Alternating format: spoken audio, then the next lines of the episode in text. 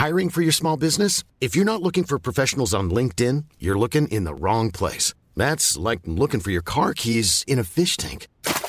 LinkedIn helps you hire professionals you can't find anywhere else, even those who aren't actively searching for a new job but might be open to the perfect role. In a given month, over 70% of LinkedIn users don't even visit other leading job sites. So start looking in the right place. With LinkedIn, you can hire professionals like a professional. Post your free job on linkedin.com slash people today. Burrow is a furniture company known for timeless design and thoughtful construction and free shipping, and that extends to their outdoor collection. Their outdoor furniture is built to withstand the elements, featuring rust-proof stainless steel hardware, weather-ready teak, and quick-dry foam cushions. For Memorial Day, get 15% off your Burrow purchase at burrow.com slash ACAST and up to 25% off outdoor. That's up to 25% off outdoor furniture at burrow.com slash ACAST. When you're ready to pop the question, the last thing you want to do is second guess the ring. At Bluenile.com, you can design a one of a kind ring with the ease and convenience of shopping online. Choose your diamond and setting. When you find the one, you'll get it delivered right to your door. Go to Bluenile.com and use promo code LISTEN to get $50 off your purchase of $500 or more. That's code LISTEN at Bluenile.com for $50 off your purchase. Bluenile.com code LISTEN.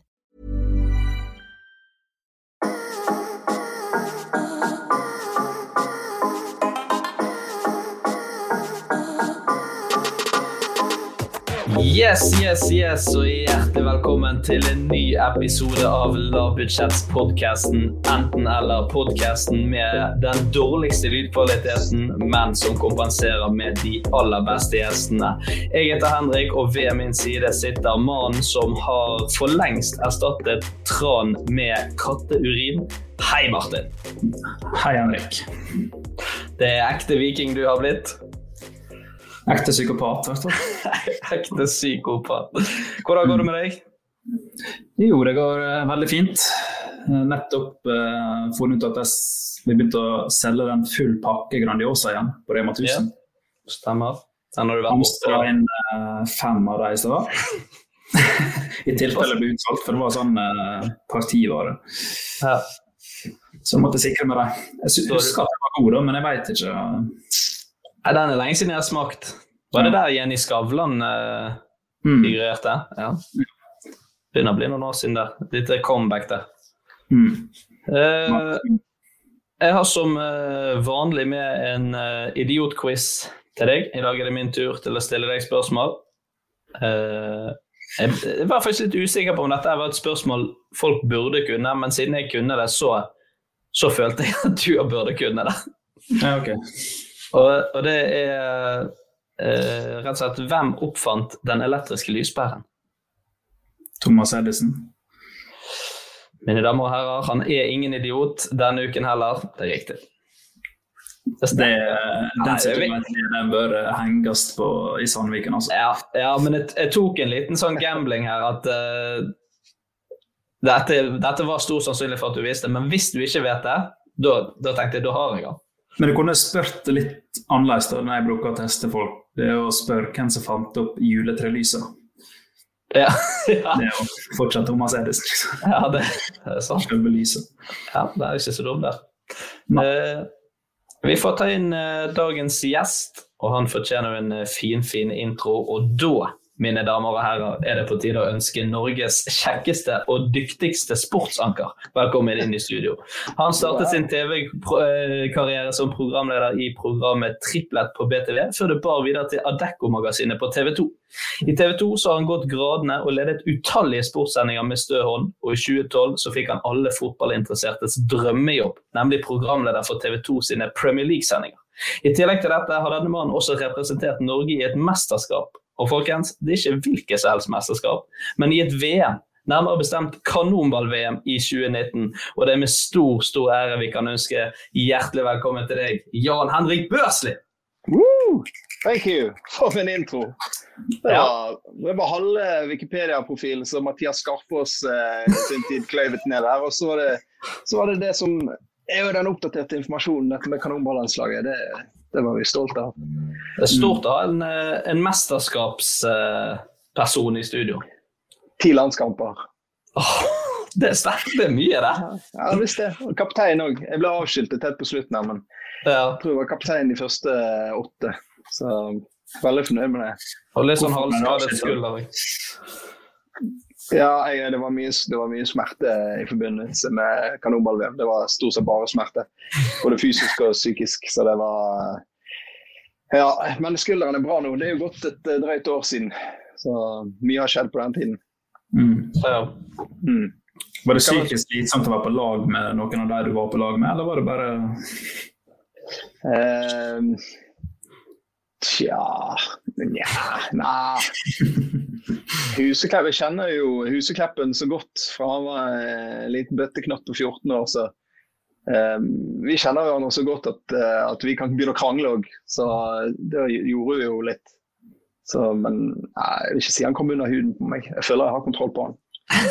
Du vet hvor du har han? Ja, ja, ja. Uh, Ja, dere spilte vel sammen i, i Fyllingen, gjorde ikke dere det? Gjorde det. Vi var eh, Jeg var jo spille daglig leder den gangen, så jeg var med å hente han til Fyllingen. Og å selge han til Brann. Da hadde han eh, Han spilte vel én sesong og eh, 17 kamper eller noe sånt, så vidt jeg husker. Og eh, var veldig god den første sesongen. Skåret mange mål. Det var jo helt sånn ubeskrevet blad. Og eh, så ville Mons Johan Mjelde han opp på stadion. Og da eh, den andre sesongen så skal, altså Jeg tror aldri jeg har spilt på lag med noen som skapte så mange målsjanser som det Erik gjorde. Han driblet seg fra midten og frem til kassen, men han, brant stort sett alle. Han skåret ett mål på 17 kamper det året der. Og eh, så hentet jo Brann likevel. Og da husker vi oppe og skulle se debuten. Vi hadde akkurat kommet inn på stadion. Så avspark gikk idet vi fortsatt var på vei til å finne plassene våre. Så gikk det 19 sekunder. Tenk det, han skåret ett mål for oss på 17 kamper hele den sesongen. Og så skåret han etter 19 sekunder for Brann. Stemmer det. Det husker jeg. Ja. Ja. det... Det er jo var det sånn at det var litt sånn fristende, siden dere var, hvis dere var gode kompiser, bare sånn holde han litt ekstra igjen når Brann var interessert på sånn Nei, sorry Erik, dette kommer ikke til å skje.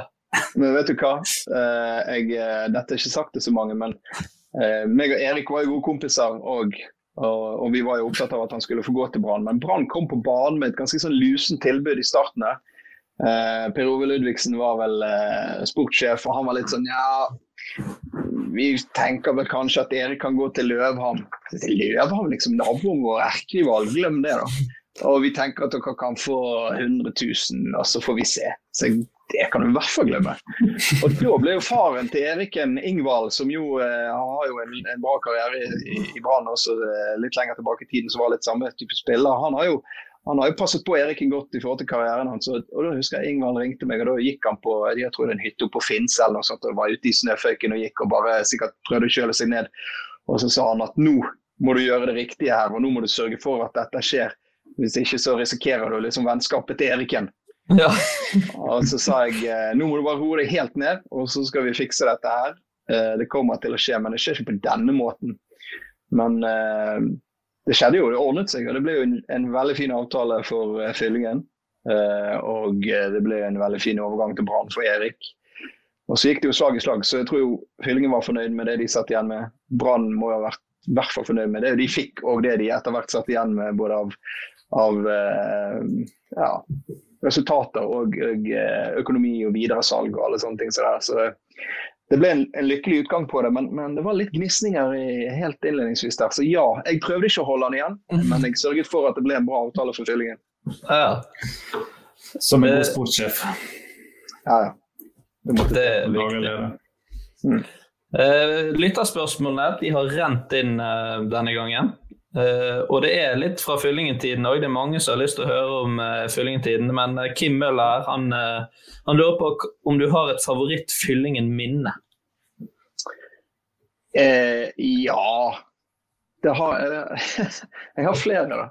Men et av de, en, en av de morsomste som er ofte blitt gjenfortalt av lagkamerater, det var da vi spilte mot jeg lå på ned 2000, og jeg begynte jo i 99, så holdt vi på å rykke opp i 99, og så var vi liksom i toppen der i flere år på rad. Men jeg lå på det 2002, Hødd. Hødd hadde rykket ned. Og eh, vi ledet 2-0 eh, hjemme på Varden Amfi. Kanskje sånn 75 tilskuere på tribunen. Og jeg var jo, jeg har en decent venstrefot, og så fikk ta dødballer. Jeg tok frispark og sånne ting. da. Og eh, Det var jo i de dager hvor Davy Beckham var jo enorm og tok, tok mange frispark. Og, jeg kjørte pisket den i krysset eh, til 3-0 mot Hødd. Og så løp jeg bort til Petter Brun og så kjørte jeg den der. og den fikk jeg høre, så Det var jo et sånn metaforsøk fra meg, men, men, de som følte at jeg gjorde det på alvor, de var jo etter meg med en gang og lot meg få høre det. Mm. Så det var det ene. Men det, det øyeblikket for meg som, også, som lever med meg den dag i dag, og som knytter meg til TV 2, var jo den gangen vi spilte mot Brann i cupen i 2003. Eh, ligger under 2-1 til pause, og så kommer liksom situasjonen. Kommenterte det som etter hvert ble vaktsjefen min for Premier League-sendingene. Erling Finnsrud, han var da reporter. Langt innkast fra Per Ove Gullaksen, headet ut av Roy Vassberg utenfor Brann 16-meter. Meg og Tommy Knarvik i løpsduell feilvendt mot Branns mål. Jeg får nådd ballen og tuppet den over Tommy og står nesten stille på 30 meter. Og så får jeg bare et enormt deilig treff. da. Og ballen murer av gårde. og Håkon Oppdal forsøker, men og Da sier jo han Erling Finnsrud, og her får jeg jo selvfølgelig For det var jo drama, så der fikk jo jeg, og det var cupen, så jeg fikk jo TV-tid. sånn. Og så sier Erling eh, Jan Børli klemmer til. Håkon Oppdal hører bare suset. men eh, ball treffer stolpen og ut. Men Jan Børli, da. Ble jo eh, Ja, alle som spilte med i Fyllingen, de kalte hun bare for Børli. Og det forgreinet seg inn i TV 2. Så jeg, jeg er bare Børli for veldig mange. Selling a little or a lot? Shopify helps you do your thing however you cha-ching. Shopify is the global commerce platform that helps you sell at every stage of your business. From the launch your online shop stage to the first real life store stage, all the way to the did we just hit a million orders stage. Shopify is there to help you grow. Shopify helps you turn browsers into buyers with the internet's best converting checkout. 36% better on average compared to other leading commerce platforms because businesses that grow grow with Shopify. Get a $1 per month trial period at shopify.com/work. shopify.com/work. Hey, I'm Ryan Reynolds. At Mint Mobile, we like to do the opposite of what Big Wireless does. They charge you a lot, we charge you a little. So naturally, when they announced they'd be raising their prices due to inflation, we decided to deflate our prices due to not hating you. That's right. We're cutting the price of Mint Unlimited from $30 a month to just $15 a month. Give it a try at mintmobile.com slash switch. $45 up front for three months plus taxes and fees. Promo for new customers for limited time. Unlimited more than 40 gigabytes per month. Slows. Full terms at mintmobile.com. Millions of people have lost weight with personalized plans from Noom. Like Evan, who can't stand salads and still lost 50 pounds. Salads generally for most people are the easy button, right? For me, that wasn't an option. I never really was a salad guy. That's just not who I am. But Noom worked for me. Get your personalized plan today at Noom.com. Real Noom user compensated to provide their story. In four weeks, the typical Noom user can expect to lose one to two pounds per week. Individual results may vary. Wow! Nice! Yeah! What you're hearing are the sounds of people everywhere putting on Bombas socks, underwear, and t-shirts made from absurdly soft materials that feel like plush clouds. Yeah, that plush. And the best part? For every item you purchase, Bombas donates another to someone facing homelessness. Bombas. Big comfort for everyone. Go to bombas.com slash ACAST and use code ACAST for 20% off your first purchase. That's bombas.com slash ACAST. Code ACAST.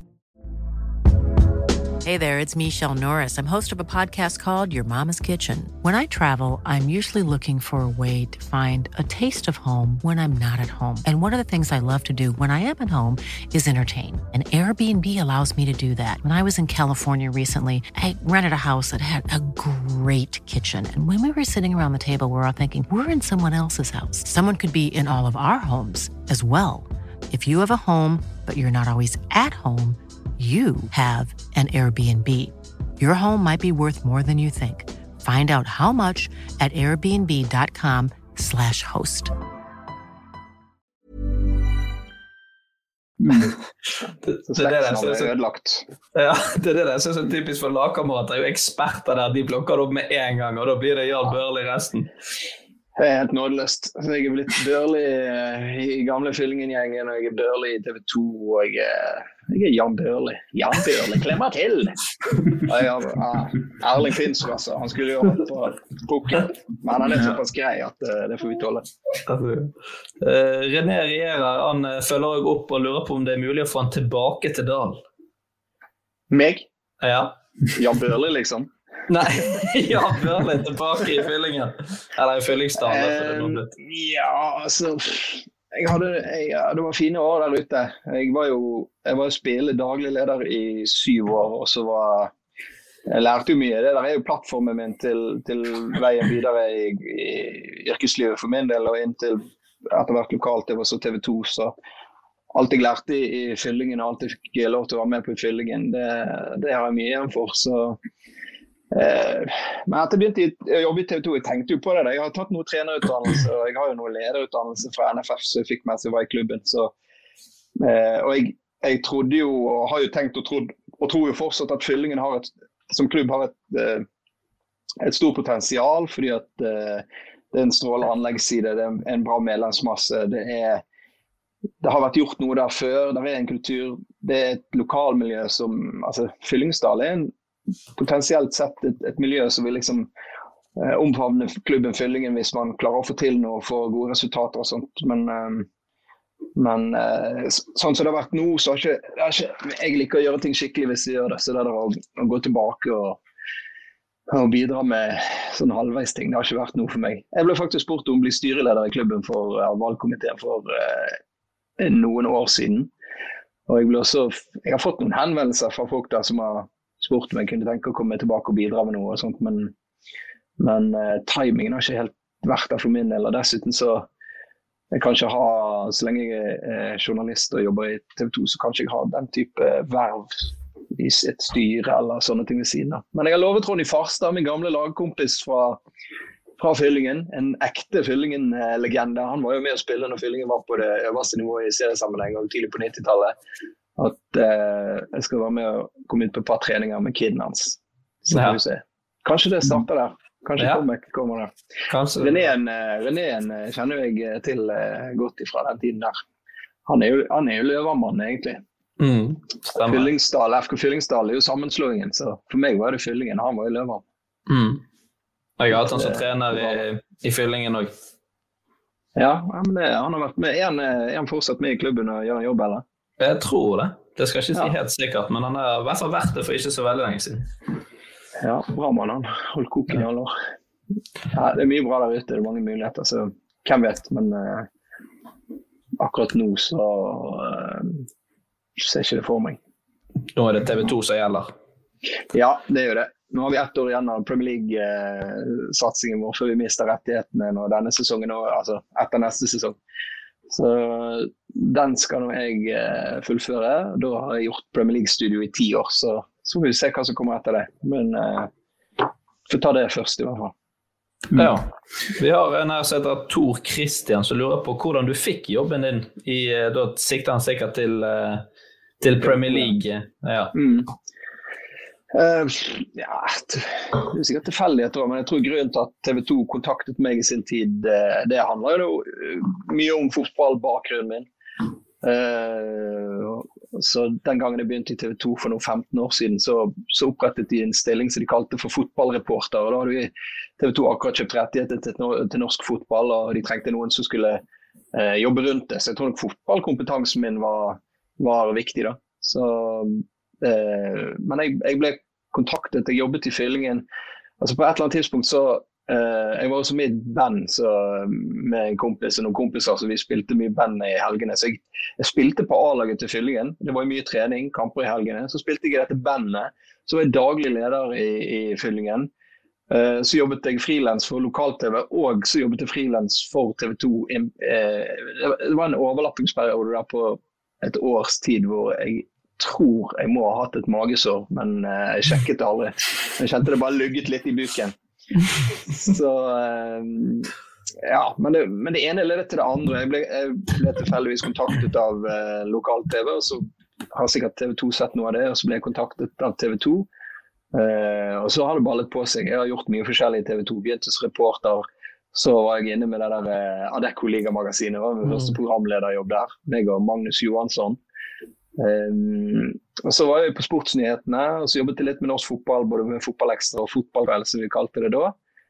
Og så ble det for nå ni år siden ganske nøyaktig Premier League. Siden jeg har vært der. Så det Ja. Jeg har gjort mye forskjellig i TV 2, egentlig. Mm. Uh, om du snakker om TV 2-sendingene, eller Premier League-sendingene, så lurte Stian Teigland på hvor tid starta liksom research for en helg med Premier League, og hvor mange timer går det i planlegging? Ja, eh, arbeidsuken vår eh, normalt sett eh, nå, har, nå, er vi inne i den, en vanlig rytme igjen. og Det har jo ikke vært en vanlig sesong, for det har vært spilt så mye midtukekamper, så det har vært litt oppstykket for oss denne sesongen. Men akkurat fra den helgen som har vært til den helgen som kommer, så er det en vanlig rytme som vi normalt sett jobber med. Så jeg eh, jobbet nå eh, lørdag, søndag, mandag i studio. Og jeg kom hjem klokken halv ett i natt, eller natt til i dag. Og så starter møtet igjen klokken 11 eh, i formiddag. Så da begynner liksom den kreative prosessen. Eh, da sikter vi oss inn på hvor vi skal eh, Hvilke kamper vi skal dekke. Og, og, sånn som det er nå i, i koronatid, så er det jo sånn at kamp eh, Sendeskjema og kamp, kamptidspunktene er jo liksom spredd utover alt. da. Før mm. hadde du liksom klokken fire-runden hvor du hadde gjerne fem av og til seks kamper som ble spilt samtidig, men nå er det jo gjerne ti unike kamptidspunkter. Mm. Så vi har flere sendinger, lengre sendinger, uh, flere build-up. Så vi, har, vi, jobber litt annerledes nå enn vi gjorde før. Men, men uh, den kreative prosessen starter i dag. Planleggingen, møte med ekspertene, møtene med analysefolkene våre som, som skal komme i gang med å forberede det som er såkalte forhåndsanalyser. Eh, reporterne våre som skal lage, lage eh, innslag til sendingen, type intervjuer med spillere osv. Så men for min del så kommer jeg nå fra egentlig har jobbet fredag, lørdag, søndag, mandag, så jobber jeg tirsdag. Jeg leder det møtet, skriver referat fra møtet. Når det referatet er gått ut, da tar jeg fri. Så da tar jeg fri onsdag, torsdag. Og så begynner arbeidsuken min egentlig igjen på fredag. Mm. Så, og da har vi fredag òg en sånn planleggingsdag. Da har vi laget kjøreplaner, da er vi enige om hva vi skal putte i det. og så, så skjer det jo ting. Det er jo en dynamisk eh, sånt, ligaen. Det skjer jo mye greier på veien. Og, og, nå spilles det kamper i Europa, så du må følge med i midtuken. og eh, Få med deg Champions League, få med deg Europa League, få med deg eh, denne uken spilles det hengekamper i Premier League for et par klubber. så det eh, det endrer seg, da. Så du starter med noe, og så justerer det seg litt inn. og så så tar vi liksom det siste møtet vi har, det er to timer før sending mm. på lørdag. Og, og da, da, blir vi helt enige, da klinker vi gjennom. Det er første gang jeg møter ekspertene og, og de jeg skal være i studio med. Så da, da bare går vi gjennom kjøreplanen så sier vi dette er det vi har lagt opp til. Og Det er ikke nødvendigvis så veldig detaljert. Vi er sånn, Folk forbereder seg hver for seg, og så bare vet vi hva punktene er, så vet vi hva vi har tid til, vet vi hvor vi har plass til å snakke og diskutere osv. Så så ja.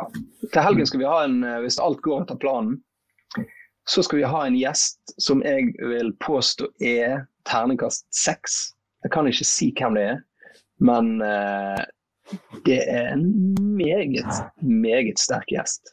Så får vi håpe at det ordner seg. Du sier er den beste gjesten dere eh, har hatt? Vil du si det? Ja, på noen måter vil jeg si det. Ja. Kanskje den beste gjesten. Altså sånn, jeg tror forventningene til den gjesten eh, kan være Det er lov at de er skyhøye. Mm. Det som er, vi skal ikke, nå med sånn som situasjonen så har vi ikke muligheten til å fly folk over eller være i studio, så det blir på link. da. Eh, og det blir i forbindelse med eh, en av kampene. Så det blir ikke en sånn hele dagen-variant. Men, eh, men eh, jeg tror det kan være interessant for alle å få med seg. Altså, vi, skal, vi, skal, gjøre noe med, med, han i forkant av kampen vi skal sende, og så skal vi gjøre noe i bakkant av kampen også. Prøve å involvere litt, sånn som dere gjør med, med innsendte spørsmål fra seere. og sånt. Mm. Det som er litt kjipt, det er jo at denne episoden her slippes jo neste uke, på torsdagen, så han har allerede vært gjest. Ah, deilig, deilig. Så folk har sittet og kost seg med han i, i Premier League-studio. ja, det er nydelig. så da får vi håpe at uh, lytterne syns det er en terningkast seks-gjest. Ja, da kan jo dette vise seg å ha vært et enormt oversalg, og så blir det avslørt. ja. Men, Men ser du mye fotball sånn utenom uh, jobb, eller blir du litt sånn mettet? Nei, jeg ser mye. Ja. Uh, jeg, uh, men jeg ser, jo, jeg ser jo i første gang det som er relevant i forhold til jobben min. Da. Fordi at det er mye å følge med på, oppdatere seg og, og være godt nok forberedt til hver runde. Så de helgene jeg har fri Jeg er jo jeg jobber jo ut, nesten utelukkende med Premier League. og så i forhold til uh, får, Jon Børrestad avlaster jo meg litt. Grann, uh, men han har jo i tillegg Champions League og, mm. og, Nations League og Europa League og alt det der. så uh, Men han er jo inne og, og tar noen Premier League-runder for meg. Men det er jo sånn for min del at de rundene, og det tror jeg det er for hans del også, vi er nødt til å holde oss oppdatert. Så når jeg har fri, så ser jeg likevel seks-syv kamper. Så, mm. Og det er bare Premier League. Og, og sånn som nå i midtuken så kommer jeg til å, å se mye Champions League, Europa League. Og så er det jo to, eh, to hengekamper i, på onsdag i, i, Premier League også. Så ja, jeg ser mye fotball. Men jeg, jeg, jeg liker det. Jeg, og spesielt i disse tider så er det Hva skal man gjøre? Det er jo, hadde ikke vært for fotball nå. Det var jo en periode i, i fjor der eh, april-mai hvor det ikke var fotball. Det, altså det, det var så trist at uh, ja. ja. Folk, folk, begynner jo å se på sånn is, ja, TV 2 sendte jo islandsk fotball, og det var liksom Ja, ja, det er Færøyene. Ja. Det er Færøyene var det, ja. Og det var liksom Det var på en måte gøy å se fotball, men du savner jo uansett Premier League. Ja, det er jo det. Men jeg må innrømme, jeg var innom jeg var innom de der færøyske kampene òg. Det var litt sånn, du sultefòret at det var, var noe. Om, om, jeg bet, om jeg betta på de kampene? Ja. Aldri hørt om det. Klaksavik og ja. ja, Det har jo sin sjarm. Det, var jo, det, var noe, det var noe veldig gøy med det. Men, men over tid så jeg, jeg må innrømme, jeg husker så den første kampen jeg så som gikk uten tilskuere, var vel Inter mot Juventus. og det tenker du, det er jo en kamp det skal dundre litt av. Men jeg mm. syns det var så nitrist. Når det er ekkokamera, du hørte hvert eneste tilsag på ballen. Det er litt sånn som man, når man har spilt fotball hele sitt liv og du vet hvordan det er å være på trening. sant? Du får ja. denne følelsen av å være på trening. Du hører alt som blir sagt, du hører alle spark på ballen. Det er ingen, ingen å se på, det er bare liksom få det gjort. Men uh, jeg, jeg, blitt, jeg, vet ikke. Det er jo uh, Jeg tenkte det der kommer jeg til å hate. Det der kommer jeg ikke til å like fotball uten fans. Og så er det blitt mer vant til det. Så tilpasser man seg. Og så Jeg er jo en av de som syns det er greit med den eh, Fifa-lyden, selv, selv, om den ikke alltid er like finjustert. Så jeg syns i hvert fall det visuelle inntrykket det, når de jobber liksom rundt de tomme tribunene, at du er tett på kampen og du og så, så gjør ikke det lydbildet meg noe. Jeg vet jo at det er noen som plages av det og syns at det er at det fake-lyden er ubehagelig. Men jeg syns egentlig at det er ganske sånn fint uh, mm. å ha det litt sånn summen i bakgrunnen. Mm. Det høres ut som det har blitt spilt kamper i Vestlandshallen hvis ikke. Ja, det er litt det. Er sant. mm. Jeg syns ikke det er så fett. Ja, det er kjipt. Ja. Jeg òg trives med den. Det er bedre å bare ha litt sånn sus og litt lyd i bakgrunnen enn bare ingenting. Ja. Jeg det er uh, flertallet på den. Ja. Det er jo mye, eller det høres ut som det er veldig mye jobb med disse Premier League-sendingene, men det er jo òg eh, lagt til rette for litt humor og sånt eh, innimellom.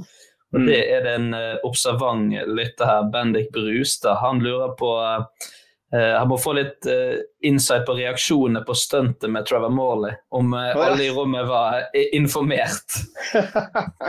ja, det der smalt jo, da. Det var jo vittig, for du må forklare, forklare hendelsen først. Ja, jeg kan jo si at det endte med eh, VG-sak og, og nettsaker på forskjellige steder. Det kokte jo litt der, da. Og, eh, og kommunikasjonssjefen eh, kontaktet meg direkte liksom, i, i TV 2. og litt sånn der. Eh. Men, men eh, det som skjedde, det som TV-seeren så, det var jo eh, Trevor Morley som som eh, klaget over at eh, han alltid Det er jo en sånn greie som Trevor ofte gjør. I always get the shit questions, sier han til meg, da. You always give me the shit questions. Eller the shit teams. At han føler at han alltid ja, blir fordelt dårlig, da. Uh, og, uh, så, uh, så, ble jo responsen når han sa noe sånt som det til meg, og så sa jeg at nå gidder jeg ikke mer, Trev. Nå er det nok fra deg. Jeg orker ikke høre på den sytingen der. Og så dro jeg opp et rødt kort. Bare fisket opp et rødt kort fra baklommen og så bare sa ut. Ut, Morley. Hvorpå han reiste seg og, og, og gikk, og så, og så, ville han liksom ikke helt gå og komme tilbake.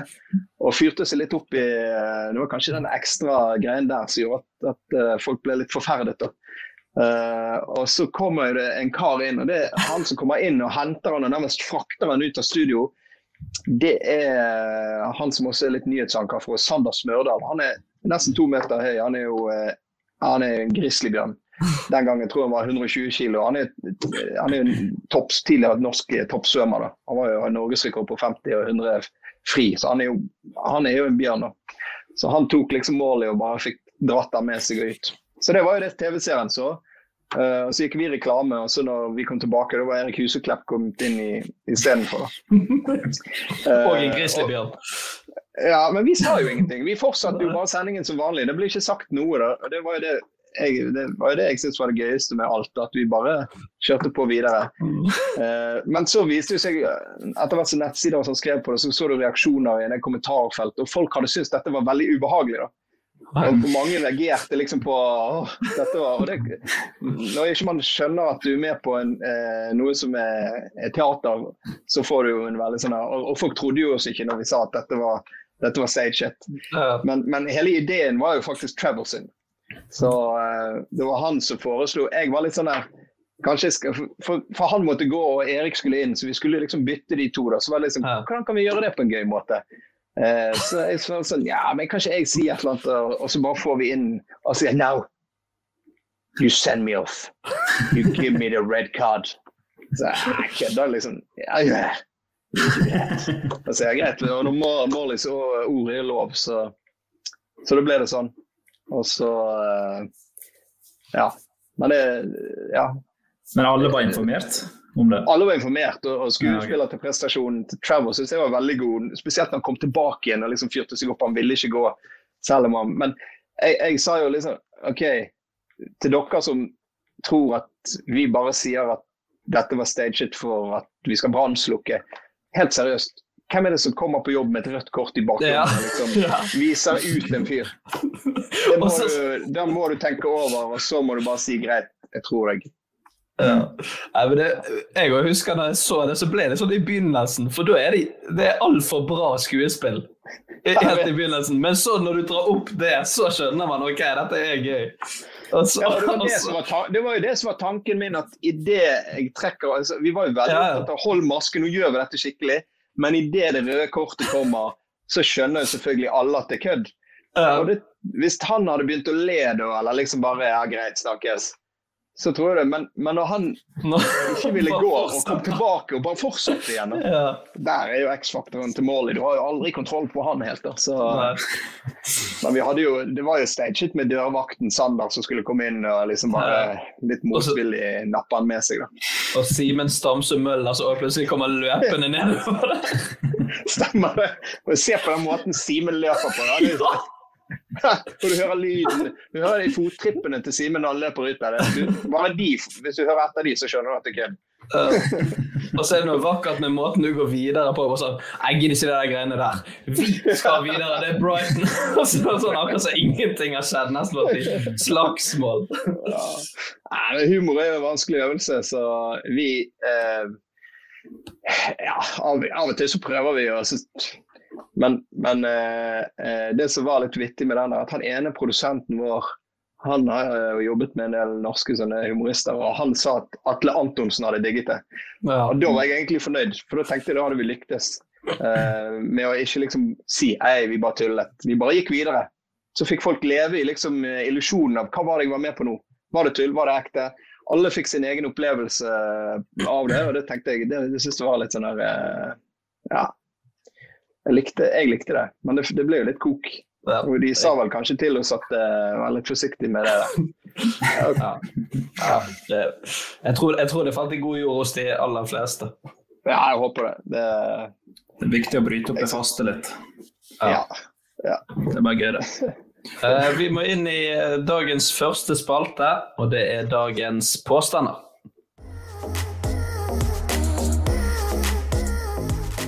Og da, eh, Martin, skal du få ta dagens første påstand. Ja. Um, er det sant at jeg er blitt sjekka opp av broren til Cecilia Brekkhus? Oi. Henriken. Ja, han, meg og han deler jo navn. Og, og Ja. Og Ja, er, du, du har alltid ja, Jeg har han Henrik Skjær, han har truffet deg. Fotballdommer, ikke sant? det? Jo. Ja. Dømmer ofte på Jeg treffer han eh, flere ganger. Jeg har ofte truffet han på Norway Cup og sånt. Mm. Grei, grei kar. Eh, Du har blitt sjekket opp av. I hvilken sammenheng på Norway Cup? Ja, jeg var tolv, han var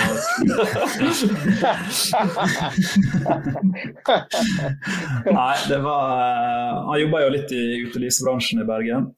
Han eh, var bartender på Sakken, og jeg var ute. Og så drev han og ga meg gratis drikke. Liksom Så du tolket det som eh, er, du, er det sånn at du er sikker på at du ble sjekket opp, eller er det sånn at du tenker at kanskje ble jeg sjekket opp? Nei, De blikkene han ga, de eh, mistolkes ikke. De, de blikkene han sendte med Tequila, de var ikke til å misforstå? Nei, jeg gir ikke, jeg gir ikke tre Tequila for å være grei. Til en Ja, random sunnmøring. han er Problemet ditt er at jeg kjenner såpass godt til han at jeg vet at han er veldig grei. Og han er så Ja, men han har ingen grunn for å gi det akkurat til meg, da. Altså, utenom at han var interessert. ja. Du høres såpass overbevist ut at jeg, jeg tror ikke dette er noe du har funnet på. Så jeg, jeg, jeg tenker umiddelbart at dette er sant. Ja. Jeg tenker at ofte så vil man komme med historier som er sanne for, for liksom bare det er, jo, det er jo gøyere når det er oppsiktsvekkende sant enn, enn når det er bøff. Men uh, dette tenker jeg er bøff, altså. Det er- Jeg tror ikke Eller eneste jeg tenker at hvis du hadde liksom gått ut med det og sagt det, så, så, så burde du klarert det med Henriken først. Og det kan jo hende at du har sagt Er det greit at jeg sier det, at du sjekket meg opp på byen den gangen, eller er det hvis, eh, Nei, jeg tror du, jeg tror du, tror du bøffer. Ja, det er løgn. Yes. Men det var to kompiser med oss den kvelden som ble seriøst sjekka opp. Av han? Av han? Ja. Ja, men det må jo være greit. Det, det er lov å prøve seg, tenker jeg. Ja, ja. Det verste han kan få, er et nei. Ja. Jeg skulle ønske jeg ble sjekket opp oftere. Jeg blir veldig lite sjekket opp. Mm. Så, um, det, er jo, er noe fint med det å bli sjekket opp òg. Ja, Så lenge får man jo- er sånn der eh, Ja, Du får jo bekreftelser. ja det er jo hyggelig. Altså, det, ja. Jeg, jeg var ikke kjekk nok i uh... det, var, det var en grunn til at han valgte kompisene dine, og ikke deg. Jævlig bitter. Du gikk bort det hvorfor, hvorfor fikk ikke jeg Hva var det med meg? Nei, jeg skal leve, leve videre. Men Eh, da tar vi min eh, påstand, så tar vi din til slutt, eh, Jan Henrik. Ja. Uh, min går på navn, siden vi er navn-halvbrødre, går det an å si? Ja. Uh, og min, min påstand er rett og slett at jeg egentlig skulle hete Jan Henrik. Sånn som deg. Oi. her har jeg null oppføl oppfølgingsspørsmål. Nei, jeg kan jo si men at Jeg kan jo skyte inn at det er veldig få som heter det. Men eh, en av de som faktisk heter det, en av de jeg jobber tettest med i forbindelse med Premier League-sendingene, som er vaktsjef. Han heter Jan Henrik Hansen. Så men, men det er veldig sjeldent navn. Det er ikke mange som heter Jan Henrik. Har du, er du med eller uten bindestrek? Eh, det, jeg tror, det ble jo aldri noe av det. Så det Nei. For jeg, jeg skulle egentlig hete det, men eh, så, så gikk ikke Men- igjennom. For, Du visste ikke om du var med eller uten bindestrek? nei, jeg fikk aldri den, eh, den informasjonen. Men, men hvorfor ble det ikke Jan Henrik? Det var fordi at altså Min far han heter jo Jan Henning, og min farfar ja. het Henning. Eh, og min bror eh, het Jan Rune, men han byttet navn senere. Og så skulle liksom jeg bli Jan Henrik. Jon, heter Jonny Jan Rune? Ja, han heter Jan Rune, egentlig. Nei. Jo. Hæ? Du skjønner, du skjønner sant? Nå han langt ute på viddene. Det, det, jo, det er sant. Jonny, min storebror, het Jan Rune. Du skjønner at han ville bytte navn. Bayer, kan du avkrefte dette? her? Og så ville liksom min far da, lenge at jeg skulle hete Jan Henrik, sånn at det liksom fortsatte litt i, eh, i familien. Og det skulle jeg veldig lenge, helt til Jeg tror jeg skulle det selv når jeg var født òg.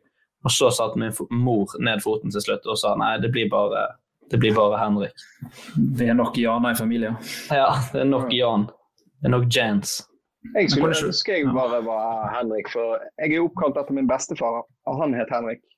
Og han eh, var liksom mitt store forbilde, så jeg ønsket jo alltid Jeg var alltid litt grinete på at jeg fikk Jan-navnet. Sa det hvorfor? Hvorfor? Kunne ikke bare vært Henrik. Mm. Men eh, Så jeg føler jo egentlig at du har vunnet. Av oss sånn. Og jeg, jeg må jo si at jeg er med din mor, Uh, som satte foten ned. Jeg er imot min mor, som uh, ga tommel opp.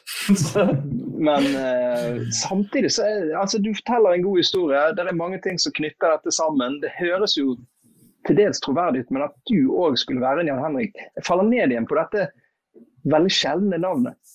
Jan Henrik Kaiser var det jo en. Jan Henrik Trøen, den gamle eh, skihopperen. Men i, i mine år eh, med oppveksten min i Loddefjord, så var det Jeg visste bare om meg og Jan Henrik Trøen, altså.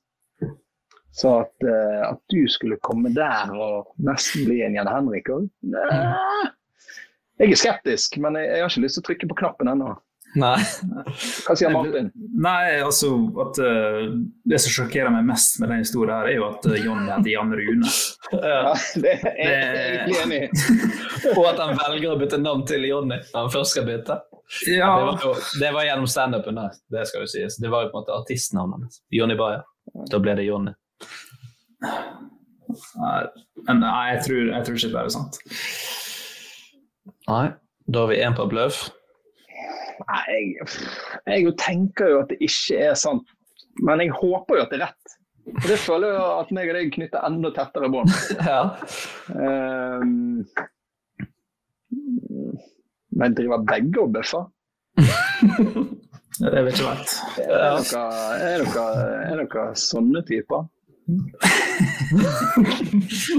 All, alle de sanne vi har tatt som eh, liksom, Alt det gøy vi har gjort i livet som er sant, det er jo brukt. Ja, det er det, sant? Nå har dere kjørt eh, 56 podkastepisoder på et år og tømt dere for alle sannheter. Så nå er dere, det er det jeg sier. For jeg tenkte først når jeg skulle, Det kan jo foregripe begivenheten litt, men jeg tenkte liksom, hva skal jeg komme opp med da? Jeg må jo si noe, så, Det må jo være noe kult jeg har gjort.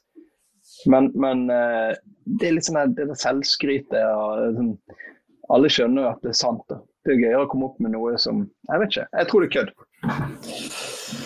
Det er kødd. Yeah. Men jeg følte historien var så bra, så jeg var sikker på at jeg skulle klare å lure dere ut på. Det er kødd med Jonny også. Nei, nei, det er fakta. Og min far han òg heter Jan Henning. Ja, ja. Da skal jeg begynne å kalle han Jan Rune hver gang jeg treffer. Så det er det som er så gøy. De har liksom alt, Resten var sant, men jeg, vet, jeg tror aldri det var noe Jan Henrik inne i bildet hos meg. Men det er- var mye Henning, og så ble det Jan Henning, og så ble det Jan Rune. Så. Nå har nå har Jonny fått uh, sin Jan, Jan uh, Børli. Ja. Ja, ja. Jan Børli. Ja, Mm. det får den inn. Men jeg syns jo at eh, det var det som felte deg for meg. At eh, du hadde rett og slett så mange ting som stemte. Og så tenkte jeg OK, derfor konstruerer du denne historien. Og det, den kjøpte jeg ikke, men eh, jeg kjøpte egentlig alt du sa. Ja. Bare at eh, jeg tenkte det var bøff med Jan Henrik. Men OK, da er vi fortsatt bare én Jan Henrik pluss skihopperen Trøen. Ja. Mm. Ja. Nå er det min tur. Eh, men eh, litt sånn her eh, Går det an å gjøre det på en annen måte? Går det an å komme opp med en, en sånn Her er det fire En av fire stemmer. Oi, den er spennende. Det er vi åpne for. Ja. Så det er sånn Nytt på nytt-variant. men eh, Hvem skal ut? ja, eller eh, en, Eller skal inn? en, en skal inn, Ja. men tre skal ut. Og eh, vi snakker om eh, en god fest. Og vi snakker om en prins. Det er oppgaven nå. Røy, røyken prins. Ja, hvilken prins har jeg hatt meg en god fest med? Normally, being a little extra can be a bit much, but when it comes to healthcare, it pays to be extra. And United Healthcare makes it easy with Health Protector Guard fixed indemnity insurance plans. Underwritten by Golden Rule Insurance Company, they supplement your primary plan, helping you manage out of pocket costs without the usual requirements and restrictions like deductibles and enrollment periods. So when it comes to covering your medical bills, you can feel good about being a little extra. Visit uh1.com to find the Health Protector Guard plan for you. Hi, I'm Daniel, founder of Pretty Litter. Did you know cats tend to hide symptoms of sickness and pain? I learned this the hard way after losing my cat, Gingy. So I created Pretty Litter, a health monitoring litter that helps detect early signs of illness by changing colors, saving you money and potentially your cat's life. Pretty Litter is veterinarian developed, and it's the easiest way to keep tabs on your fur baby's health right at home. Go to prettylitter.com and use code ACAST for 20% off your first order and a free cat toy. Terms and conditions apply. See site for details. Hey, it's Paige DeSorbo from Giggly Squad. High quality fashion without the price tag? Say hello to Quince. I'm snagging high end essentials like cozy cashmere sweaters, sleek leather jackets, fine jewelry, and so much more. With Quince being 50 to 80% less than similar brands. And they partner with factories that prioritize safe, ethical, and responsible manufacturing. I love that. Luxury quality within reach. Go to quince.com slash style to get free shipping and 365 day returns on your next order. Quince.com slash style. Det er spørsmålet. Og er det prins, altså artisten, som ikke lenger er med oss? Hæ? Er det prins, eller kronprins Håkon Magnus? Er det Fresh Prince? Husker dere han? Ja. Fresh Prince of Bel-Air. Ja, det husker jeg. Og uh, den siste er uh, Er det prins Albert av uh, Monaco? Den uh, deigete prinsen der nede. Det er fire prinser. Ja. Men bare én av de har jeg uh, vært på fest med og uh, hatt det moro med. Så det, dette eliminerer jo litt muligheten for oppfølgingsspørsmål. Her må vi rett og slett bare Prins Albert av Monaco er ikke han, han er jo 62 år. Ja, det høres jo sikkert fornuftig ut. Han er i hvert fall tynn i hyssingen, sånn som Torstvedt. Og Torstvedt nærmer seg 60. Eh, OK. Den, denne, hvor, hvor var denne festen? hen? Nei Hva det er, det er kanskje det er nødvendigvis Det er kanskje en historie som kan komme i bakkant, tenker jeg. Kan være, det kan okay. være gøy å høre hvor det var. Men det, det ble dukket Det som jeg kan si, er at det ble, det ble drukket Jeg har aldri drukket en dyrere øl i hele mitt liv. Det ble konsumert. Ja, men det var rett og slett eh, Det var rett og slett sånn at det hadde vært et påspandert selskap, hele greiene, inntil vi gikk på en, en eh, nattklubb. Og, eh, eller et, festlokale. Det var liksom lukket for en begivenhet. Og eh, da var det sånn vi hadde fått, alle hadde fått noen bonger, men når bongene var tom, så gikk du i baren. Og så var det en av, av de jeg var der med som gikk i baren, som ikke helt var klar over barprisene, da. Så han tok en runde og kom tilbake. med vi, Da var vi fire stykker, kjøpte en øl til hver. Og, og eh, hadde, han han var så lang i trynet. Han hadde betalt, han hadde betalt 1200 kroner. For fire øl. Flaske. Ja, ja. Men uh, her høres det ut som det ikke kan være kronprins Haakon, siden han ikke var klar over prisene. Jeg tror ikke det var han som Nei, det, kjøpte det, var ikke, det var ikke prinsen som var i baren, det var en, det var en, en annen som var med meg. Så Ja. eh, ikke la meg, ikke la meg, mislede dere med, Ah, okay. ok. den, men, eh, men det, kan jeg i hvert fall si om festen, at det var, eh, det var et kostbart gilde. Jeg tror det er prins Artisten prins. Artisten prins. Mm. Jeg tenker jo med så jeg, jeg, jeg fikk en ty Jeg tolker det som en ledetråd at, eh, at eh, pilsen var så dyr. Og Monaco er jo et uh, fint og uh, påkostet sted, i hvert fall. Og derfor heller jeg mot uh, prins Albert fra Monaco. Ja, jeg går for han. Artisten Prins var i Vestlandshallen, og etter konserten så så jeg ikke mer til han.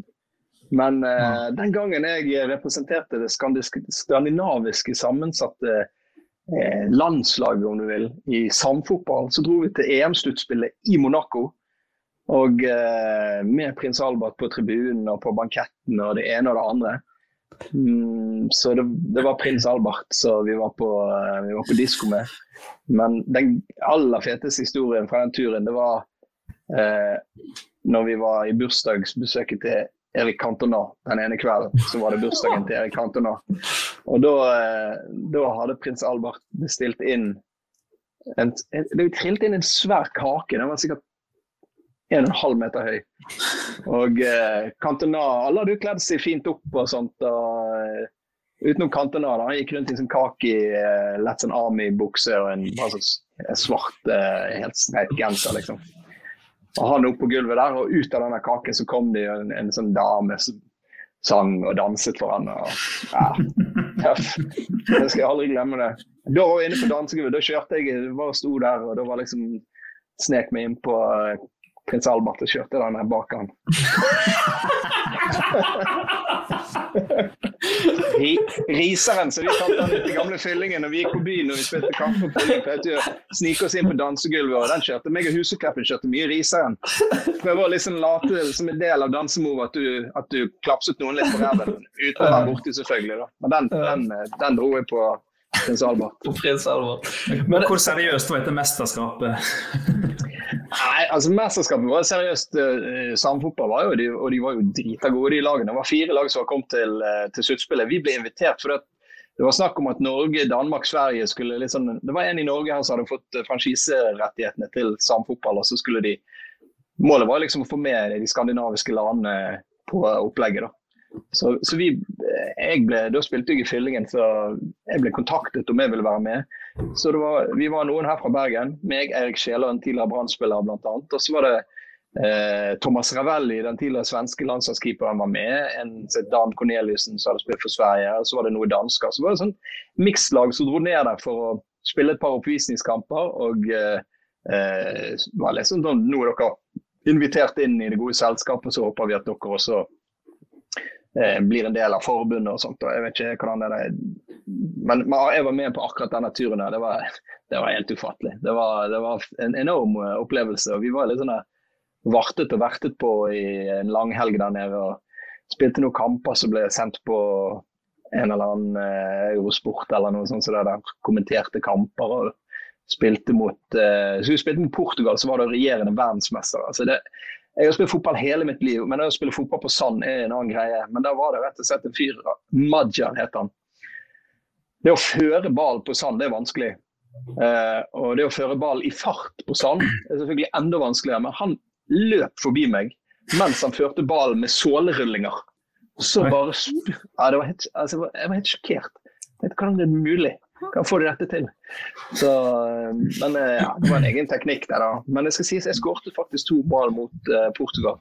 Klinket opp en i krysset. Var veldig fornøyd med meg sjøl etterpå. da. Vi tapte sånn 13 uh, 13-5 eller noe sånt. Det er jo det som er litt gøy med sandfotball, at nesten alle mål er jo fine. Ja, ja. Det er liksom ikke noe sånt. Ja, ja. ja. ja det, var, det, var, det var en veldig kul opplevelse. Så du har rett og slett vært på fest egentlig med da prins Albert og kongen Cantona? Ja, på en og samme fest. Jeg ble tatt imot av Cantona når vi kom inn i lobbyen på hotellet. Da sto han der så ut som en sånn Pulp Fiction-karakter med sånn der eh, Bermuda-T-skjorte og en eh, shorts der og noe slipper, så hey, welcome, sa han. Ja, det var, det var stort. Det var stort. Det var jeg, men... sånn i 2003, så det er liksom Da var jo Cantona brennhet. da. Så, Ja. ja. Du er jo United-fan òg, ikke sant? Ja, Det er jeg siden 1982. Jo da. Det, alle, alle holder med et lag, så alle det er Sånn er det jo hos oss med Premier League. Men jeg, ja, jeg, er- for meg var jo Erik kongen. Ja, det må jo ha vært enormt. Ja, ja, ja, det var jækla vittig. Surrealistisk. Han rundt med Cantona. Og prins Albert. Han var der òg. Fra festing med konger og prinser så må vi inn i ukens uh, viktigste sak, nemlig løse ukens dilemma.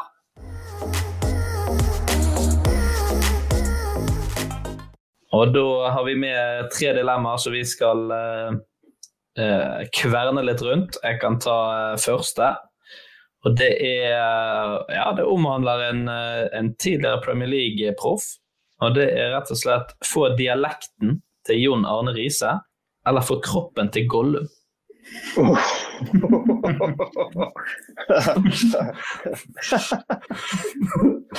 vi, vi begynner der. Ja, den er jo gøy, da. Uh, og da, da, er det liksom ikke den originale dialekten, da, da er det den jeg, jeg tror Jon Arne glemt sin originaldialekt også. Da, ja, ja. Ja, det sier han jo sjøl òg. Ja. Der er det ikke Han kan ikke noe for det. Um, Øyvind Alsaker for øvrig, han er jo etter å ha bodd, han er jo fra Florø, men etter å ha bodd på Østlandet i så mange år. Og så var han jo litt i Nederland, han var jo gift med en nederlandsk dame. så han har vært litt rundt og, og bodd lenge på Østlandet og, og fått unger som liksom snakker østlandsk. Er når jeg snakker privat med Øyvind, så, så sporer dialekten hans av, altså. Det har jeg jo lagt merke til i, når jeg hører han i podkast. Jeg hører ikke det i, i kommenteringen. Aldri i kommenteringen. Nei. Ja. Men i, når han snakker mer sånn uh, avslappet, for å kalle det det, så, ja, så hørte jeg det òg. Ja, det er helt rett. Det er ganske gøy historie. Med Øyvind eller med Riise? Nei, med Øyvind. Jeg, uh, var, i Flo, jeg var i Florø satt ned på berget der og solte meg.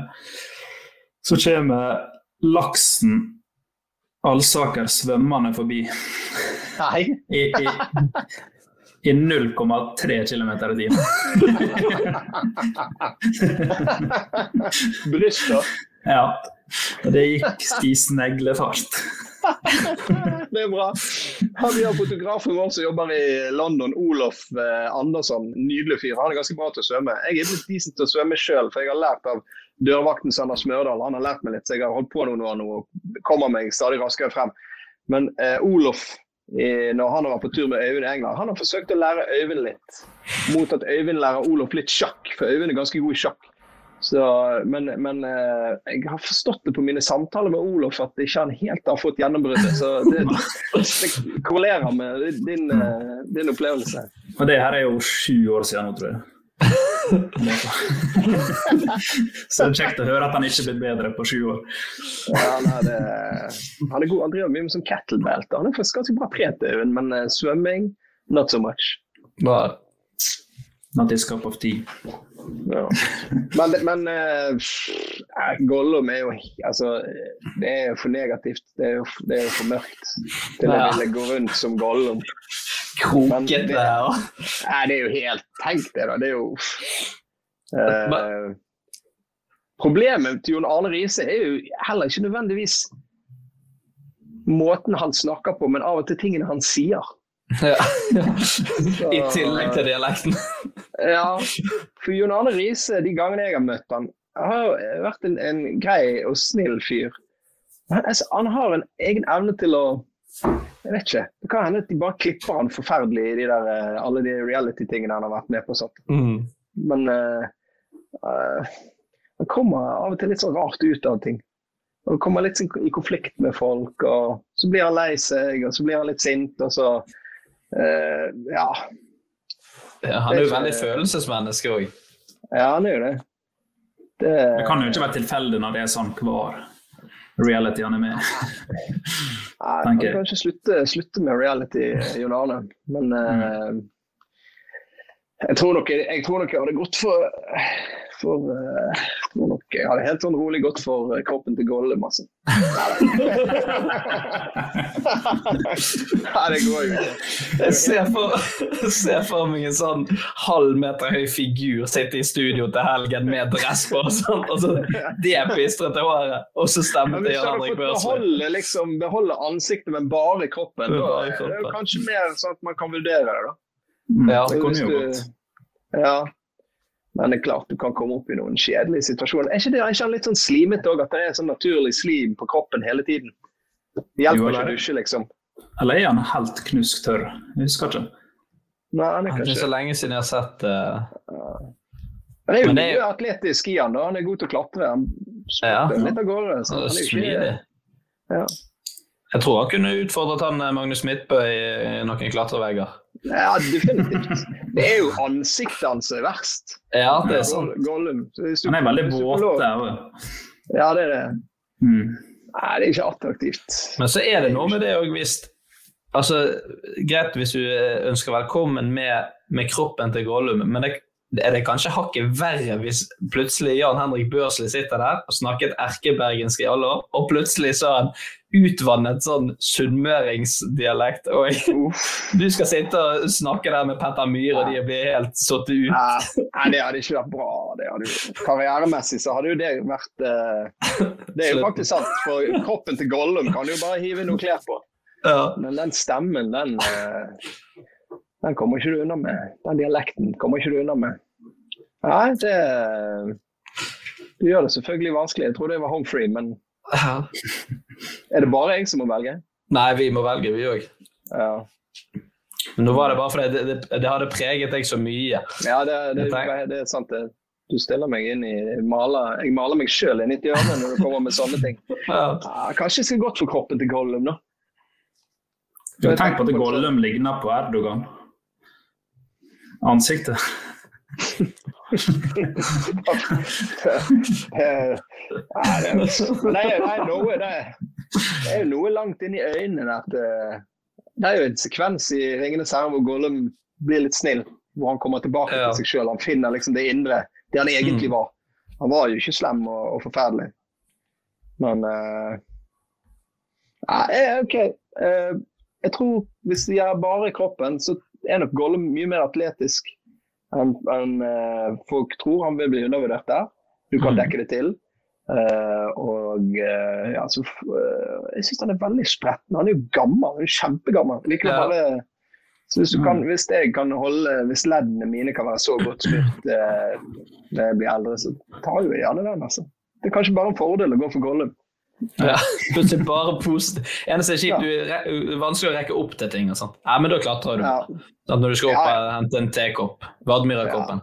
Ja, Vadmyrakoppen. Men jeg, jeg, har, jeg har jo veldig mange hyggelige kollegaer som gjerne hjelper meg med sånne ting. Ja. Jeg tror, det, jeg tror jeg går for Gollum, jeg.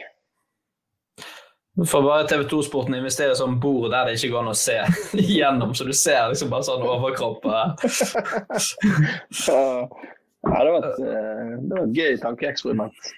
Ja. Jeg ser for meg det, det er litt sånn slitsomt for de rundt meg òg, hvis jeg plutselig bare sånn i morgen skulle våknet opp og, og bare hatt den dialekten. For det er jo en helt umulig dialekt å etterligne. for det er, eller, Du kan nesten ikke kalle det dialekt engang, for det er bare så mye rart. Han er jo den moderne jeg- tids uh, Ivar Aasen. han. Har bare reist rundt og samla alle dialekter. og- bare blitt, Ja. alle dialekter. Ja. Ja, det er et bra bilde. Jeg, jeg helt fakta, jeg, jeg liker å parodiere, sånn, sånn halvbra på å parodiere litt. Men uh, jeg, jeg mener, for hvis du går langt tilbake i tid, så føler jeg jeg er ganske sikker på at jeg kunne parodiere Jon Arne Riise. Men eh, og det er jo beviset. Det kan jeg ikke lenger. Nei, nei. Ja. det er jo sant. Ja, jeg lurte litt på om jeg skal prøve å lokke deg ut på noen eh, parodier. Ja, det kan jeg gjøre. Men det er ikke vise. Der er Nei, den skal du få slippe. Har du en som du liksom er en, en ja, Hva er din go to-parodi, da? Hvis du liksom uh, Hvis du skal uh, briljere på et forspill, det er god stemning med TV 2-kollegaene. Ja, Det kommer litt an på hvem du er med. da, og det er jo ikke alle, så Noen begynner å bli drittlei meg. for jeg, jeg, jeg er jo ofte, Når du jobber med meg, så er en del av de som sitter i studio, sier jo det at vi er liksom vi er akkurat som vi er ti stykker i studio. Så, um, men jeg vet eh, Øyvind liker veldig godt eh, Louis van Gaal og Alex Ferguson og sånn. da. Eh, så kan jeg parodiere noen kollegaer og sånn. og- Men uh, det er ikke, jeg, er ikke sånn jeg, jeg sitter ikke sånn og jobber med det og trener på det. Og, men av og til så bare kommer det liksom bare Frode Grytten, f.eks. Han bare datt ned i meg en dag. bare, og så Frode, Frode Grytten prater slik som dette her. Ifra Odda, fra smelteverket i Odda. Det er ikke enkelt å være Steven Gerrard. Snart er den lange arbeidsdagen over, Alex. Tid for å legge inn det siste skiftet, Alex. Det blir bare, ja, det er jo melodier, det er musikk. Men Louis van Gaal mye mer sånn der eh, brautete, og spesielt for denne ene seansen han var manager i Manchester United når det var sånn prisutdeling. Han hadde drukket og var blitt full og sånn. Han bare gikk opp på scenen, og så var det litt sånn mumling i salen, litt prat, og så bare sånn Hei! Hei! Pay attention to the minister! Uh, I should say as Wayne Rooney. He told me before that we can go for the second position. And I say, yes, we go for it. ja, det var jævlig kult. Ja, det De er sterke. De holder mål, de der. Ja, det er helt greit. Parodierer litt for meg sjøl. Men mest som underholder eller plager kollegaer med det. Men Øyvind, eh, Øyvind eh, liker å parodiere for Øyvind, for han, han, liker det veldig godt. Han oppmuntrer meg, han vil ha det. Så da gir jeg det til han. Så, eh, for andre kan det være en plage, og så er det noen jeg bare velger å ikke gjøre det for. Men jeg er veldig sjelden gjør det på oppfordring. For jeg, jeg har ikke det alltid helt sånn fintunet, så det må liksom dette litt på plass først. Jeg, har, jeg, tror jeg har en kollega av deg i, som jeg alltid går til hvis jeg skal leke litt sånn uh, sportsreporter og sånt. Som òg du har utfordret Erik Huseklepp på. Det er han Asle Igland. Ja, ja, ja. For det er sånn Hvis jeg Asle Igland! Ja. Det er så, altså, du føler deg så dum, men når jeg sitter hjemme i stuen med samboer og sånn, så sitter jeg sånn Manchester United møter Liverpool. Det er en enormt viktig kamp. Bare 23 minutter spilt, så dobler Chicharito ledelsen 2-0. Sånn kan det ses. ja, det er bra, det er bra. Og vet du hva? Eh, akkurat det der gjorde meg og, og det var før jeg begynte i TV 2, meg og Erik vi drev og parodierte Asle Igland i garderoben i Fyllingen. Og eh, det var sånn denne reportasjen det ligger på YouTube og på TV 2 ennå et eller annet sted, men det var sånn det der begynte. For da når jeg da begynte i TV 2 og jeg ble kjent med Asle Igland og liksom fikk møte Vi digget jo Asle Igland, vi syntes han var så jækla bra. sant? Ja, av Asle Igland var Når han hadde sånne kampreferater, så var vi bare og Vi elsket det. Så vi kom på trening på mandagen og liksom, hva var det siste fra Igland? Ord og, og vri og vending, og så var det lyden av Igland. Eh, og da fikk vi Eriken til å komme inn og gjøre det. Når Erik fikk møte Asle liggende, da var jo, da var jo starstruck de. Vi fikk jo faktisk Igland og Erik dro til Bari så fikk vi faktisk Igland til å reise ned til Bari for å intervjue Eriken, for at Eriken skulle synes det var litt kjekt. Så, ja, det... Så, det Nei, infanteri fra Portsmouth-gutta er jo bra i den Brynakrottene. Sa går i bakken. Stemmer det. Ja. ja, Egland er bra, altså. Ja. Lyden av Egeland. Lyden av Egeland. Lyden av Egeland. Du hadde en fin eh, parodi på, på Egeland. Så den uh, syns jeg du skal bare ta med deg videre. Ja, det skal jeg gjøre.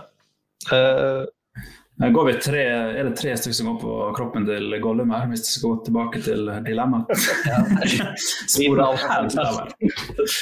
det er nesten litt brutalt.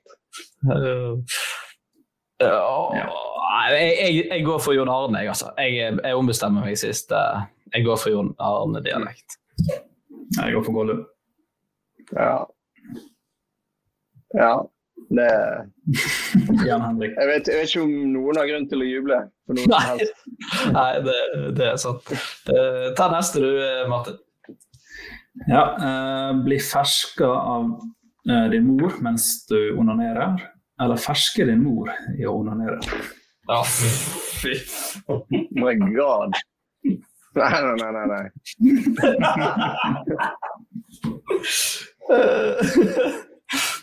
oh.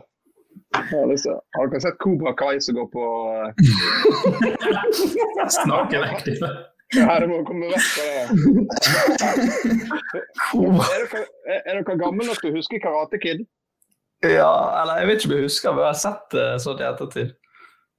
Cobra Kai er jo spin-off-serien som er kommet nå, eh, når de der sku, samme skuespillerne liksom 100 år etterpå. Er... Det var en bra avsporing. Jeg bare ja. prøvde å måtte jobbe opp noen nye ting.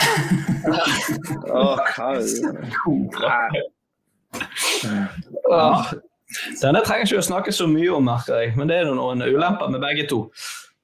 Ja. Det er jo Jeg tror det er mest ulempe å ferske ja, jeg, har faktisk bestemt meg. Jeg, jeg vil bli Ja, jeg, jeg, ja, ja. Her er det bare å komme seg videre, jeg òg.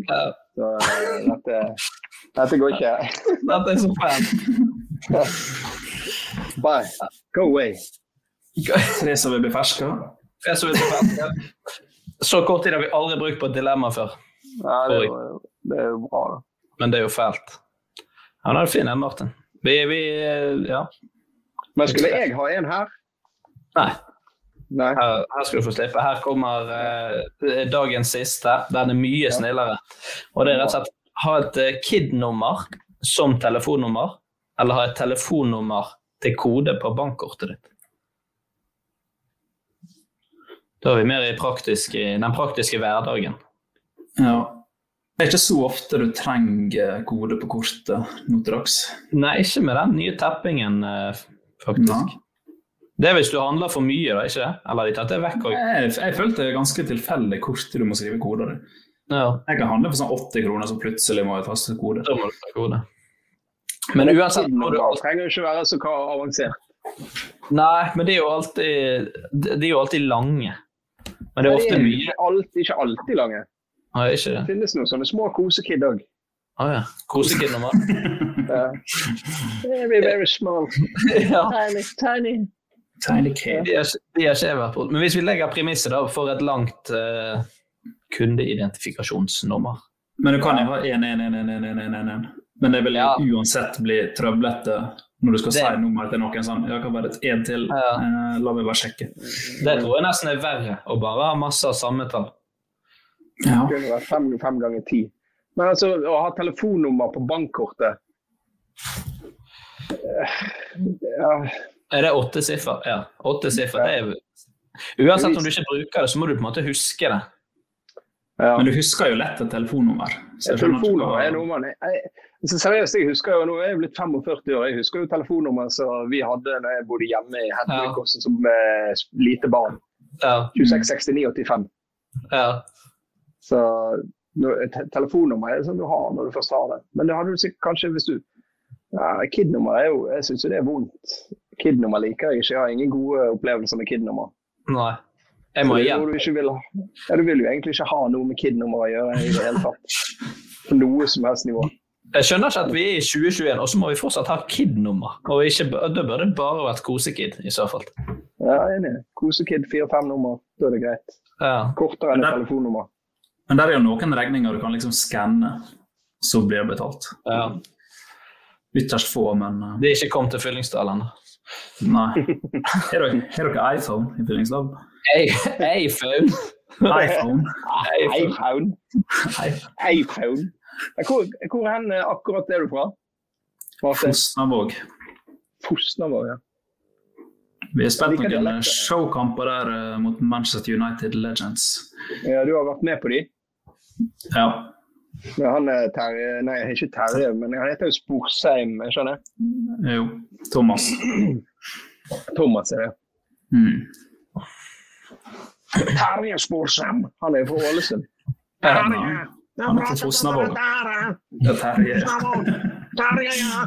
Beina på formen er bare helt utrolig. Han er jo så svær, han der. To meter kjempe. Skal drive i tautrekking. Så dere den der? Så har dere sett Farmen? Ja. Han er kjendis. Når han der eh, kjempen Lasse bare utfordret tynne, flappe mennesker i tautrekking. Ja, det, jeg elsket det. Jeg bare gledet meg til å se. Jeg var så skuffet når det ikke ble noe Så av. det var, så jeg bare leste et eller annet sted at det var noen som hadde gledet seg til å se at han trakk han gjennom denne ringen som var på toppen. Ja. Ja, ja det, var, det var synd at, den ble, at han trakk seg der. Ja. Og jeg tror, jeg tror Lasse hadde liksom bare holdt igjen litt, sånn som han andre måtte jobbe. Og så Ja. til slutt, når han ikke gidder mer, så bare napper han med ei hånd. Ja. Jeg kanskje bare hadde stått der som en sånn der superhelt med Ja. flagret litt i lyngen der og bare Han Thomas dro alt, ja, Thomas alt han kunne, så bare sto han helt i ro. Ja. ja. Jeg har ikke lyst til å være med på noe sånn derre John Cleese-sketsj. Det var en bitter mann. Ja, det var en bitter mann. Han prøvde å plante, plante det på lassen, men uh, han måtte bare ut. Ja. Ja. Men eh, Hvor var vi, Hvor var vi egentlig? Vi var på Kosekid.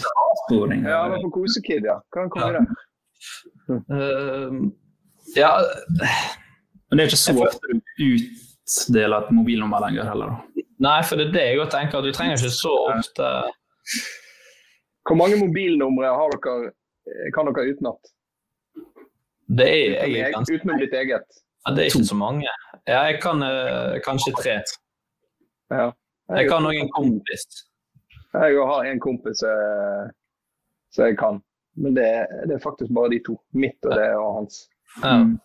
Jeg har jo nå fått verdens enkleste nummer. Jeg har faktisk jeg sendte det til sånn gullnummer, og det viste seg å være gullnummer. Det er verdt sånn 2000 kroner.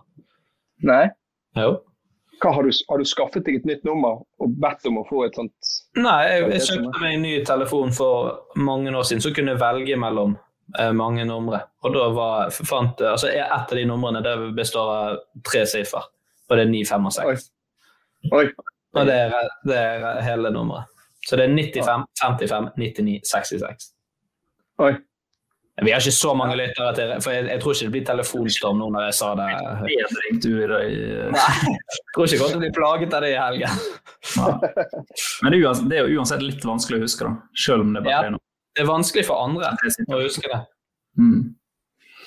Jeg har jo tre De seks siste tallene mine er alle mellom 50 og 60. Altså det, det begynner med fem, liksom. Ja, ja sånn, ja. Ja, Det er jo en fin måte, eller liksom er ganske greit å huske. Ja, ja det, jeg, har, jeg er fornøyd med nummeret mitt. Der sier du faktisk at jeg òg er så fornøyd med nummeret mitt at jeg har ikke lyst til å gi det vekk. For det er jo aldri, altså, dette nummeret er jo så enkelt å huske at jeg hadde jo aldri klart å lære meg KID-nummer. Det hadde tatt tid.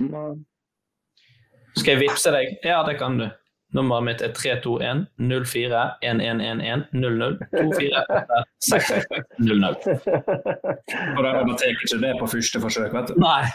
Og når du da begynner å rote med sekstallene inni der, og sånt, da er du ferdig. Ja, det der går ikke. Svaret gir seg. Ja, det blir, det blir bankkode på meg. altså Telefonnummer som bankkode. Mye tapping. Ja, Veldig masse tapping. Ja. exactly. Eh, da er vi enige der. Vil vi kjøre en eh, liten oppsummering for deg, eh, Jan Henrik. Du blir da en person som har kroppen til Gollum, som blir fersket i å onanere av din kjære mor, og som har et telefonnummer som kode på kortet. Det er jo ingen som høres- har noe med en sånn person å gjøre. Tenk deg, Da sitter du, sitter du der med Gollum-kroppen din og onanerer. Det høres ut som sånn her TMZ-dokumentar. du må jo bare håpe at eh, den bankkontoen er stappfull i cash. Da, da, har, du, da har du i hvert fall noe. Ja. Hvis du bare sitter igjen med, med koden og ingenting annet, da er du ja, Det er jo ikke bra, da. Det er ikke bra. Det er Det det er ikke, det er ikke optimalt. Eh, nå går vi til dagens siste spalte, og det er tre kjappe.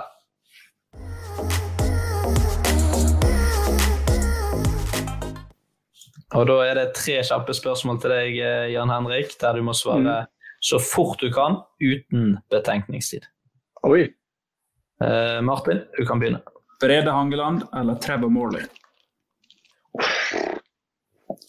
Brede. Fuck you, Trevor! Ja, det, det ble så mye mas med det der røde kortet og alt det der. eh. Han er, Trevor er en, han, han er en sånn hund som du både elsker og hater. Du, eh, du, du, han er nydelig å kose med, men plutselig så biter han deg. Ja.